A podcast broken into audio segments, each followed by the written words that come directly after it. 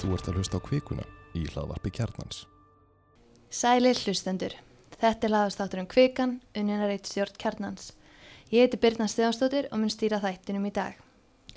Í vöruböru kvikunar í dag eru gríðamiklar eignir ríkustu fjölskeldna landsins, Norðalandaráðsþingi í Stokkólmi og aðskilnaði ríkis og kirkju. Með mér að venju er Þórðusnar Júliusson, reittstjóri kjarnans og Bárahöld Beck, blagamæður.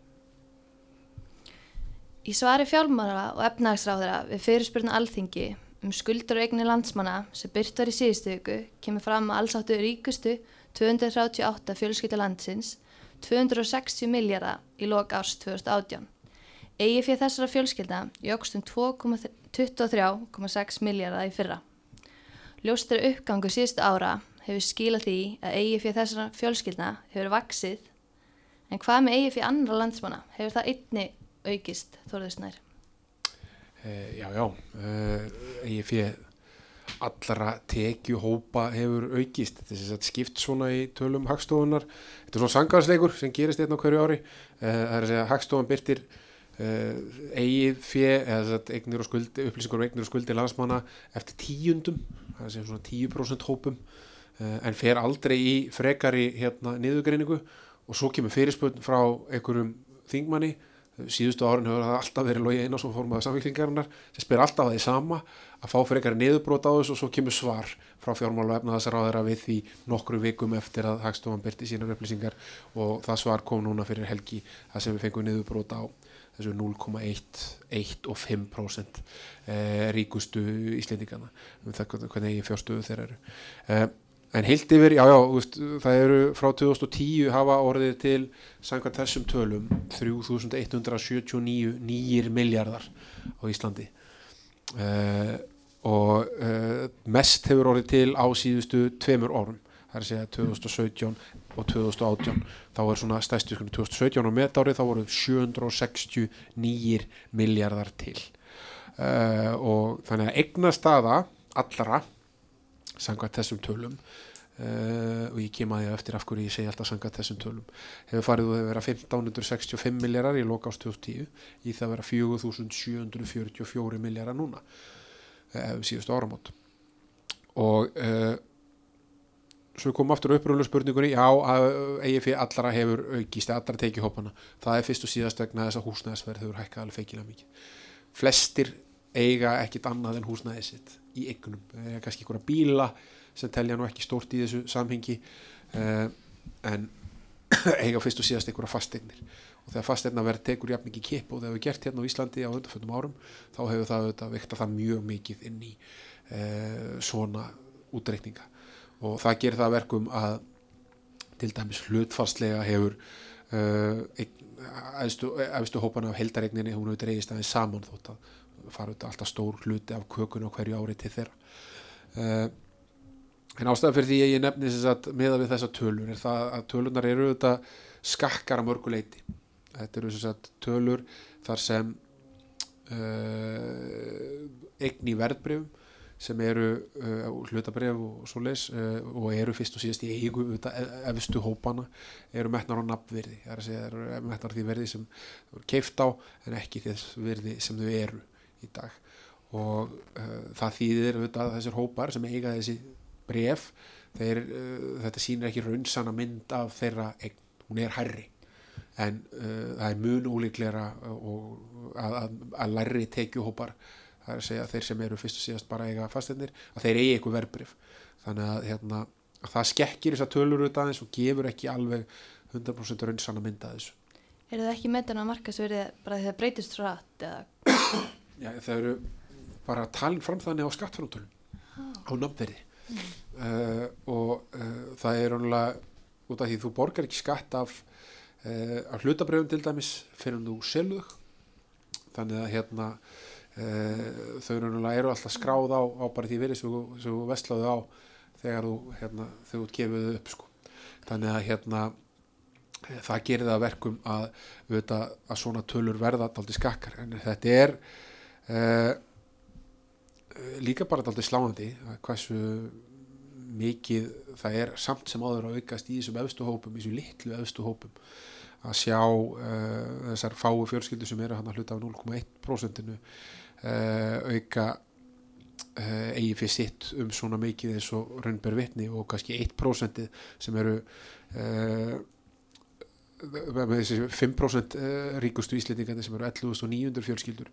þau eiga eigi, fyrir upp á 1864 miljardar og það er sko 208, að 218 miljardar aukning á einu ári uh, og rúmlega tvöföld svo upp að sem það áttu árið 2010 þannig að uh, þetta eru svona hérna uh, áhugaverðar tölur og gefa vísbendingu um það að sá auður sem verður til hérna hverju ári í samfélaginu að uh, þótt að það svona njóti allir einhverja bröðmóla á honum eða svona þetta, svona, þetta fá, fá allir einhvern veginn sitt sérstaklega í vegnum bara aftur í gegnum hækkunum húsnæðisverði sem er langmesti drifkrafturinn í þessu þá uh, er svona megin viðbótar auðurinn fyrir utan húsnæðisverði sem er að verða til hann lendir bara þarna í efstu lögum. Það eru, eru eigendur aðtundtækjana eigendur fjármaksis og maður sér það líka þetta sem munið ég sagði þér náðan að, að, hérna, að þetta er allt metið á nafnverði brefin en það er líka hægt að sjá í þessu svörum sem uh, Lógi fekk frá Bjarnar núna fyrir helgi uh, hvernig fjármakstekjur skiptast á milli hópa. Og við vorum að segja frá því í morgun að hérna uh, allir með 0,1% landsmanna þess að það 0,1% landsmann sem höfðu mesta tekjur í fyrra þess að 238 fjörskildur þar voru með hildatekur upp á 45,5 miljardar og þar af voru 25,8 fjármakstekjur það er að segja 57% af tekjónu þeirra uh, voru tekjur sem höfðu af eignum eða fjármagni wow. mm -hmm. og það auðvitað hérna, er ekki eitthvað sem flestir uh, svona veruleiki sem flestir búa við mm. uh, hefur við horfum á ríkasta 1% sem eru 2380 fjölskyldur þá er þá, þá eru þeir með sko 35% af öllum fjármastekjum sem runnu til einstaklinga í fyrra. Þannig að 1% með 35% á öllum fjármastekjum mm. uh, og það gefur auðvitað vísbendingu um það sem ég var að tala um hérna áðan. Þannig að það er rosalega mikið rifistum á hverju einast ári þessi tölu kom út. Uh, þeir sem vilja tala niður ójöfnuð á Íslandi benda á að hlutfarslega séu þessar tölur alltaf að draga saman. Mm. og sem er rétt skilur það er þeirra ekki rámt fyrir sér. En uh, það eru auðvitað undirleikit aðstæður eins og það að húsnæðisverðir feikila mikil dreifkraftur fyrir regnamyndun hjá uh, hérna, lang flestum tekjuhópum og húsnæðisverð er þannig að hérna, ef þú selur húsnæði þá þáttu vantilega að kaupa þér annað. Þannig oftast þannig nefnum við setja fara bara að flytja til spánara að, hérna, að lifa FM lífinu. Uh, og, og hitt að, hérna, að þessar svona eignir sem gefa fjármakstekjur margar hverjar fyrir þetta fastefnir eru bara metnar á nafnveri mm -hmm. þannig að uh, mér hefur alltaf þótt eðlilega að horfa á auðvitað sem verður til á hverju ári hversu stórt hlutfall að honum fer til hvers tekihóps svo það bara umdilt ég held að við munum ekki komast að eitthvað svona niðurstöð í þessu nefn að við förum að mælita með verum hætti og mælita heldur annara að verða með allar uh, þessar tekjur almennilega inni. Mm. uh, við auðvitað tókum þátt hérna áhuga að vera tilraun í í fyrra sem breyti síðan ólögleg hérna með það að, hérna, að vera með uh, upplýsingar um tekjur fólks ekki út frá upplýsingur sem, sem eru í, í, hérna, heldur í skattskíslónum og byrtum hérna fjármastekjur með launatekjum mm. og það má vist ekki, allan ekki þeirri framsettingu sem samstags aðeila á okkar á þeim tíma, tekjur.is mm. voru að gera en það síndi mjög áhugaverða mynd til dæmis, það síndi það bara þarna voru einstaklingar sem voru að hafa sko marga milljardaði tekjur mm. uh, sem voru ekki að koma fram í hinnum ofnbörutölunum sem eru grundöldunum til þess að tekjublöðunum uh, einfallega vegna þess að þeir beðum með þeir að gera upp þunga til að sá frestur á liðin og, og, svo kom allar þess að fjármastekjur hann inn mm. sem reiknast með þannig að hérna, ég held að við þurfum einhvern veginn bara að fara að finna betri leitið þess að taka þetta saman einmitt, en nú talað þú um að þessi aukning á fyrir að búið að strakið af fastegnar er búið að hækka svo rætt en hvað um, þú veist, eins og yngri kynnslöðunar eins og kynnslöða mín eða þá sem átt ekki fastegn í þessar uppsöflu því þetta mögulega verið gjáin meiri og meiri eignujöfnur þegar þessar kynnslöður mun ekki fá áhrifin þessar miklu aukninga á fastegnaverði Já, það er hægt við því að þeir sem uh, lenda, verða fyrir barðinu á þessari miklu hækkun á fastnættum fastnamarkaði út af því að við erum búin að vera með eh, mjög sérkjörlegt ástand hérna undir fundum árum að verðið hefur hækkað mjög mikið og frambóðið hefur verið langt undir eftirspurn. Uh, meðal annars vegna þess að svo mikið íbúr húsnaði sem fer undir ferðamenn og, og alls konar svona uh, erlend, erlend ríksborgar sem flytinga til þess að vinna og, og svo meðs og það er hægt við því að þeir sem uh, festast á leikumarkaði eða uh, hafa ekki komist inn á markaðina meðan það var viðráðanlegri að þeir muni mögulega bara súpa segið að því í tölvöld langa tíma. Því miður. Þeir eru ekki að sjá þessa eignamynduna það er þetta stillis upp í mjög einfalt dæmi segjum bara uh, að þessu séum við tvo einstaklinga fætta 1990 og uh, árið 2012 uh, getur annar þeirra keft sér íbúð uh, með hjálp fóreldra og uh, frá þeim tíma er markaðurinn búin að rúmlega tvöfaldast. Sem eru annan sem er jafnaldrans sem eru ekki komist í þessa stöðu. Uh, og segjum að útborgun hann á 2012 hafi verið 5 miljónir uh, við komandi þá kannski að kaupa sér íbúð á ja, sem 5 miljónir og þetta borga 20% 25 miljónur íbúð og hún er alltaf 50 miljónur verði. Og verðbólgan er búin að vera skapleg uh, þú er búin að ná að borganur höfustólun og þetta sérregna sparnaðin og allt þetta klassiska og þú átt alltaf í þessa 50 miljónur íbúð og þú skuldar í henni já, ekki veist, undir 20 miljónum þannig alltaf í nóttu eigi fyrir upp á rúmlega 30 miljónir Uh, kollegiðin sem er bara nákvæmlega eins og þú kannski búið með sama námi með svipaða tekjur en hann hefur ekki hafði ekki aðganga fyrir þarna 22 ára til þess að, eða 23 ára með kannski þú klárar háskólapróf bjá, uh, uh, hafði ekki aðganga fyrir til þess að fara inn á markað. Hefur þurft að vera á leikumarkaði sem hefur verið með herri afborganir ofta tíðum en, en lánin sem bjóðast á kaupandamarkaði og hefur ekki getið myndað neitt sparnaf vegna þess að hann borgar herra hlut á ráðstöðutekinu sínum í húsnæðiskostnað hefur ekki uh, getað uh, þar að leiðandi komið sér inn á húsnæðismarkaðin og stendur eftir með EIF sem er krónu 0 eða mjög lítið að minnstakosti þannig að þannig hefur markaðurinn og umhverfið unni rosalega vel með þeim sem fekk það tækifæri að koma inn og hefur auðvitað líka notið góðsa aðgerðum eins og stjórnvalda eins og skattlausum séregnarspartnaði sem eru auðvitað bara að vera að gefa eftir skattekjur uh, sem völdum hópum er að bjóðast. Uh, þannig að hérna uh, ég hef ágjörð að þessu að, að þetta muni skilja fleiri eftir svona já, svona, maður lefur sér að sletta bara out of the game það er að segja að þetta er mjög þekkt fyrirbreyði við að um heim að það verður svona hópar sem telja verið að skilda eftir í einhverju þróun og það skapar, það getur haft mjög eldfind ástand til dæmis á í pólitísk ástand og, og svona ítt undir jaðarpólitík og alls konar svona einstringslega eh, pólitík sem býður upp á skindilustnir á, á erfiðum langtíma vandamálum mm. þannig að hérna, og við sjáum þetta bara íslenskar orðræð, eh, pólitískar orðræð að það eru margi sem eru þarna lálauna fólk, fólk sem er í, í, í félagslegum eruleikum, öryrkjar uh, margi hverjir sem auðvitað, hérna, hafa ekki fyllt launathróun í, í, í sínum rástöðunateikjum uh, sumir hópar eldri borgara þetta miskipt á milli eldri borgara hvernig, hvernig lífsgæði þeirra eru og svo auðvitað bara fyllt af ungu fólki sem hefur ekki aðgang að fjármunum. Mm. og það er þetta tengita líka við umræðu sem er til dæla nýlega um erðafjárskatt uh, af því að þetta er ekki vandamál á meðan við erum með hérna, kannski mjög lágan erðafjárskatt eða, eða hérna, sem er ekki hvernig tröppuskýtur heldur færum mikið nauð á mitti kynsluða mm. uh, og þetta er ástæðan fyrir því að margir sem eru fylgjandi sko sérstaklega á herri egna tilfæslur á milli kynsluða á erðafjárskatti eru fylgjandunum vegna þess að uh, annars viðheldur viðhelst ákveði ástand það sem sko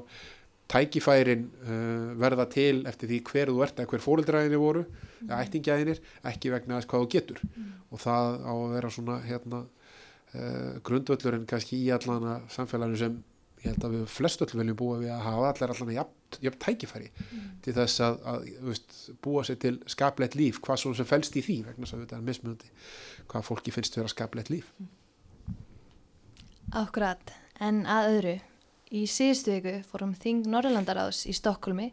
og voru umhverjus og loftlagsmál meginn þeim að Þingsins. Barahöld, þú sótti Þingi og spjallaði við mann og annan. Hvernig var þín upplifin á Þinginu? Já, þetta er náttúrulega svolítið sérstætt að fara svona Þing. Uh, þetta er sagt Norrlandaráðs Þing. Þetta eru 87 Þingmenn frá Norrlandunum sem mæti þarna saman. Það eru sjö þingmenn hér á Íslandi sem fara, formaður og varaformaður og svona fimm nefndarmenn í rauninni. Um, þetta er sérst Norðurlandin uh, og svo er ein, einni álandsegar Færiðar og Grænland sem taka þátt, þannig að það er mikil fjöldi sem mætir hann það saman. Uh, og hvert ríki skipar fórsetta Norrlandaraðs á fimm ára fresti og núna var einmitt komið ljós að Silja Döggunarsdóttir, þingmaður uh, framsamflokksins, mun gegna þessu ennbætti næsta árið en hún er einmitt formaður nefndarinnar okkar, sérst Íslands nefndarinnar. Uh, já, eins og segi, þetta er mikið um fundi og hérna og uh, þetta er náttúrulega virka svolítið kaotíst þegar maður fer. Ég fór einni í fyrra til Osloar uh, þannig að ég var svona reynslunni ríkari núna þegar ég fór bara hvernig þetta virkar. Já, þarna eru samþyktar álíktanir og í rauninni er aðal tilgangurinn bara að auka samstarf Norrannaríkja. Uh, þeir þingmenn sem ég talaði við bæði íslenskir og, og, og norskir og danskir þeir voru allir svona sama máli að þetta væri mjög mikilvægt þáttur að raun eða kem ekkert, sko, kem ekki lög út úr þessu, þetta er svona meira álíktanir og sam, uh, já, það sem fólk svona kemst að uh, einhvern samilegu markmiðum um, en sem sagt að uh, þingmenni voru bara mjög samálega um að þetta skipti gríðalegu máli að Norðurlendi myndi byggja einhvern grunn saman og svona halda í þessa hefð uh, Einmitt, en nú fylgir svona þingi ansi stort kólumspor þess að það eru fljúöldum á eitt stað. Var eitthvað að tala um það á þinginu sjálfu? Sko það er ekki beint talað um þinginu sjálfu en það, ég spurði til dæmis uh, Guðmund Inga Guðbrandsson umhverfis og öllindar að þeirra bara út í þetta. Og hann sagði, ég vildi nú meina að það væri algjörlega þess virði uh, að hafa svona þing þrátt fyrir stórst kolumnspor og bent á að, að það væri náttúrulega meiri möguleika fyrir fólki sem að býr í Skandinavi að ferðast með lestum og það væri erfiðara fyrir okkur Íslandingana augljóslega að komast frá og til þings uh, sagt á þessu nota flýið en, að, en vissulega væri það þess verði og mér fannst uh, einhvern veginn allir vera því sem eru þarna þannig að það er svona pínu kannski tilgangurinn helga meðalið að þýleiti að hérna Uh, að þessi samskipt er það mikilvæg að það er þess verði. Aftur á móti koman með ágætis ábendingu að það væri kannski hægt að uh, nýta fjarfundabúnað á, sérst, í, á þessum fundum sem á milli er. Er sérst, þetta þingir einu svona ári og svo hittast þér til dæmis að þeirra nokkur sem ári einnig og þá væri hugsanlega hægt að nota einhvers konar fjarskiptabúnað og en sko punkturinn sem hann kom með var að það er svo mikilvægt líka hittast í personu og ég held að við getum kannski öll tengt við það þráttur að það sé mikilvægt að uh, huga að kolumsfótspori þá er öðruvís að hitta fólk og tala saman auglitis til auglitis heldur en í gegnum uh, já, Skype eða slíkan búnið þannig að uh, já, það voru bara allir á því að jú, þetta væri visslega þess verið Nefna kannski Greta Thunberg. Já, algjörlega nema hún. Hún kom náttúrulega með uh, frábæra uh, gaggrinni á bæði svona þing þegar hún ákvaða að afþakka umhverfsvelun uh, Norrlandaráðs og ekkert auðvitað mikla antikli og hún sagði að þrátt verið að hún væri þakklat sko og bara þakkaði fyrir viðkenninguna þá uh, vildi hún ekki taka við þessum velunum þar sem uh, henni fannst mikilvægara að stjórnmálmenn og þeir sem að ráða valda fólk myndi frekar hlusta vísendamenn heldur að vera veitingu velun og uh, það, fólk verist bara ákvaða að verða þá ákverðin og umhverfislega nokkar sagði það bara að hann virti þessi ákverðin og, og að það var alveg ástæða til þess að sagt, hlusta og heyra betur og það væri alltaf hægt að gera betur. Þannig að hann tók nú undir þetta en hann sagði samt að það hefði ekki komið hann óvart að domnendi skildi velja hanna af því að hún ætti að fyllilega skilið. En, en það, það var frábært að fá þessar sprengjanar Gretu Thunberg þarna inn í þetta svona aðeins þess að hristu upp í hlutunum. Hemmi, það var nú meira sem hristu upp í hlutunum á þessari veluna það ekki, þegar hann Jónas Eika Já, Jónas Eika, já, einmitt. Hann tóku velunum, bókmyndavelunum og hann gaggrindi þá stefnu danska stjórnvalda innflýðindamálum í ræðinu sinni. Já, og hann byndi orðum sín líka að Mette Fredriksen, fórsættisræða Damerkur, Þannig uh, áhugavert að uh, líka benda á að í gær kom Silja Dögg Gunnarsdóttir sem að er emitt og núna orðin uh, forseti Norrlandaráðs að hún sem sagt sagði að hann hefði tja, gengið og langt í orðum sínum og einhvern veginn fannst henni fannst hann misnót aðstöðu sína og ekki rétt á hann að taka eitt þingmann sem sagt hann að metti fyrir uh, að hann hafi ráðist að henni persónlega og að hún hafi ekki getað varið sig ég var nú þarna á um, á þessari veluna afhendingu og ég er fullkomlega ósamala Silidök þarna ef ég á verð því að uh, það er ekkit óeðlegt að listamenn koma með pólitiska gaggrinni þegar þeir fá uh, vettvang til þess að gaggrina og ég held að uh, stjórnmálumenn verði líka að gera sér grein fyrir að þeir séu þannig aðstöðu að og eru þannig vinnu og eiga bara þóla slíka gaggrinni þannig að ég er ekki samála Silidök þarna að þetta hafi verið uh, að hann hafi farið yfir eitthvað stryka að gengja á langt. Sko líka bara mun eftir, það er ekki svo langt síðan að, hérna, að það var íslenskur velun að hafi, á kvikmyndaverlunum Norrlandarós, Bendit Ellingsson hérna 2014 sem nýtti sér þessa aðstöðu til þess að koma fram mjög skarpri gaggrinni og þá beint gegn þá er þetta menta málur á Íslandinga, Ítlaug Gunnarssoni sem satt í salunum, mm. þar sem hann hérna, raunulega og ekki bara honum heldur íslensku stjórnvöld svona í heild uh, meðal annars vegna stuðnings við, uh, við listirnar mm. þannig að hérna það er nú ekki svo þessi fyrsta sinn sem þessi vettvangur hefur verið nýttur á þennan hátt og, Nei, ná ekki síðasta svona, skipti heldur. Nei og hérna og það var þá, þá sama líka þá að hérna að mönnum fannst þetta svona, einhverjum fannst þetta ægileg misnótkun ástæðu og móðgandi fyrir fyrir hérna ráðherran að, að hafa þurfa að sitja undir því að einhver veluna hafi varið að láta hann heyra það. En ég meina þú voru bara sætt að fólk voru að sætta við, við það að listamenn sannanlega munu alltaf hafa sterkast skoðunir og samfélaginu sem er búi mm. og uh, svo einblindastefna sem hefur reygin í Danmarku er sannanlega ekki hafið niður gagginni uh, þannig að hérna ef að menn vilja bara fá þæga uh, listamenn til þess að, hérna, að veita velun þá er það bara að velja sér ykkur að þæga stopnuna listamenn til þess að veita þessi velun og láta þá heinar sem hafa sjálfstæðarskoðanir vera vegna þess að þeir mun ekki sitja á þeim. Fullkomlega eðlilegt að nýta sér hérna vettvang til þess að segja það sem fólki finnst. Já, algjörlega sammála þarna og hérna uh, ef ekki þarna þú eru með þarna plattform og getur látið rætt þín að heyrast hvenar þá, spyr ég bara Samanlega því. En þá að þriðja málun okkar. Ásli Arna Sigurbjörnsdóttir, dónsmálaræðara, sagði að óhjákvæmilegt væri að stefna átt að fullum aðskilnaði ríkis og þjóðkirkju í aðsendi greini morgublaðningar. Að hennamati samrýmist sjálfstæð kirkja og það ríkisvaldinu betur trúfrælsi og skoðanufrælsi en sérstansi þjóðkirkjan hefur notið íslenski stjórnskefan. Þórusnar, kemur óvart að kirkjumálaræðara sé þessara skoðunar? Eh, það kemur ekki ó, á óvart að Áslögu Arna sé þessar skoðunar. Áslögu Arna hefur auðvitað þegar hún leiti unglegarhefingu sjálfstæðisflokksins hérna, í, í skæru hernaði á landsfundi fyrir nokkrum árum þegar hún var síðan góð sem rittari þá var þetta eitt af megin aðtunum sem svo unglegarhefing uh, var með á stefnusgráni það er að segja að skilna ríkis og kirkju mm. og það eru margir svona uh, mörg brot innan sjálfstæðisflokksins sem hafa lengi haft þessa skoðun uh, en auðvitað er sjálfstæðisflokkurinn hann er margt og það eru líka líklegast eh, margir þeirra sem eru svona hlindast í því að þjóðkirkjan sé svona, að hafa þá skoðum að þjóðkirkjan sé undirstaðan af einhvern veginn okkar menningu og gildum uh, sem er að finna innan þess flokks mm -hmm. uh,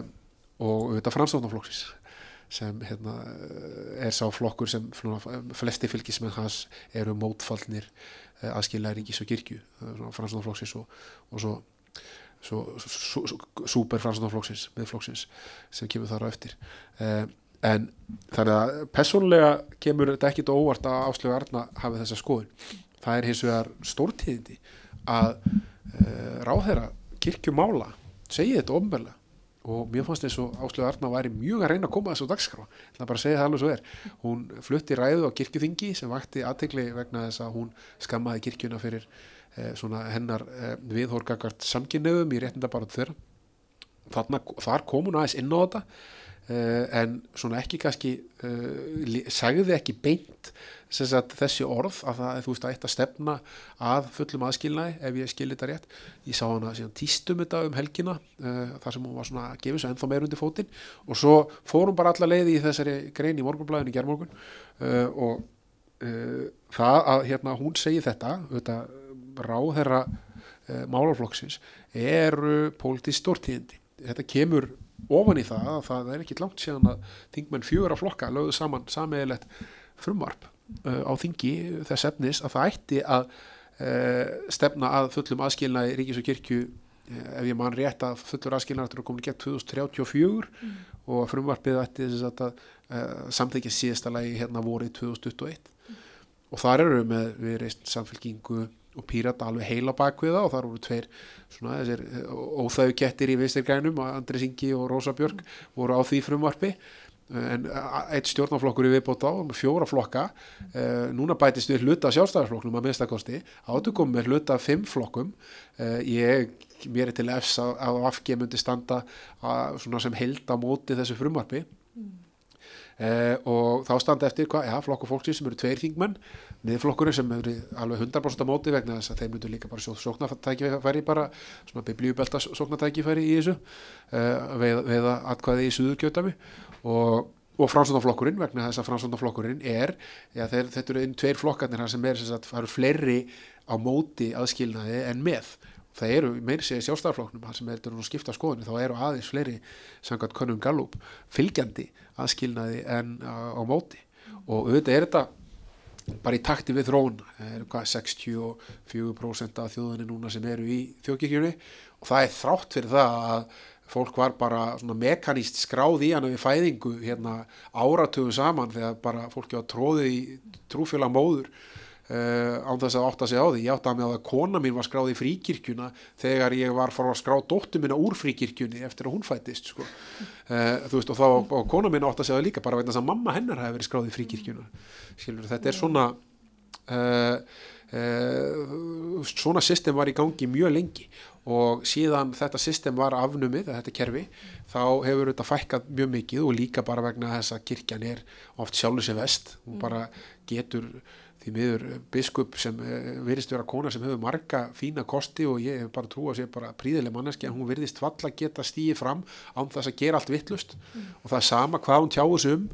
það hérna, hefur uh, neikvæð áhrif á uh, það fyrirtæki sem hún stýrir. Hún, það, það missi kuna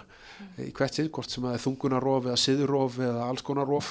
öll þessi, allir þessi skandalari kringum kynfyrirsbrot og fyrirhandi biskupa og svo núna hérna auðvitað með réttu að vera að rifja upp hvernig afstæða kirkina var gagvægt mannreynda bara áttu samkynneira mm. þannig að þetta er auðvitað tíman að tákna og það er á lungu tíma bara að hefja þetta ferli þetta aðskynnaða ferli.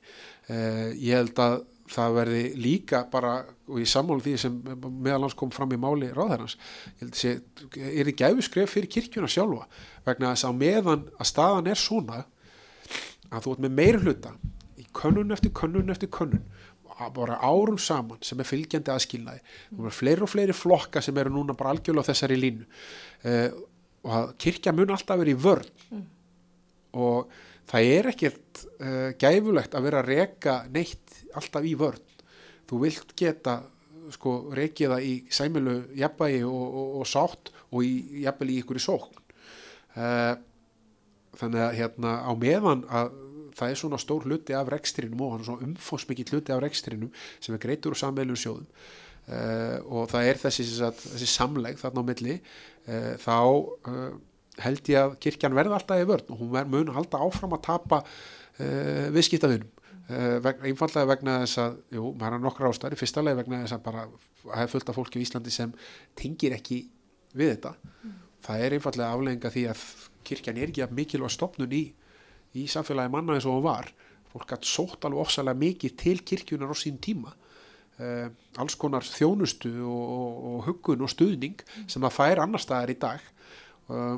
auk þess er einfallega bara nýjar kynnslóður í Íslandi allt öðru sér þengjandi en það voru fyrir svo mörgum árantöfum síðan og þurfa ekki þessa andlegu tengingu til þess að telinga sér þessi kannski grunngildi sem kirkjan er stundum að reyna að slá eksinni á bara manngæsku og virðingu nága- náunganum og eitthvað svoleiðis uh, sem eru bara einfallega svona algild gildi og undistæða í vestrænu líðræði samfélum það sem er mikil áhersla á mannréttindi og það hefur frekar verið að kirkjan hafi verið sko í hinu liðinu oft á tíðum þegar við erum að tala um slíka hluti að berjast á móti því að ákveðinu hópar fá ákveðin mannréttindi. Þannig að hérna uh, ég held að þetta er því farsælt fyrir alla og það er uh, það eru að mínu viti risastór pólitísk tíðindi fólkinni því að uh, ráðherra og ekki bara ráðheldur ráðherra sjálfstæðisflokksins stýi fram og tali með þessum hætti beint ofan í það að þingmenn margra annara flokka hafa uh, svona settað í farveg að fara í, í svona vegferð og uh, það verður mjög aðeinsvægt að sjá hvort þetta næri einhverju flugi. Ég ætla líka að spá því að þetta mun ekki nánu flugi uh, að hérna í svona ríkistjórn sem er samansett af flokkum sem eru kannski ekki sammálum neitt rosalega mikið að þar muni uh, ansetta til dæmis framsóknarflokksins duga til þess að, að þessu verið svona þeir sem hafa þessa skoðun með að leifta viðrana en hérna en það verður minna um, um aðgerir en ég ætla virkilega, virkilega að vona að ég er rámt fyrir mér Þar höfum við það. En við komumst til miður ekki lengra með kviku umræðnara sinni en verðum hér að viku liðinni að skilja kjarnan frá hauspunu. Verið sæl, þanga til.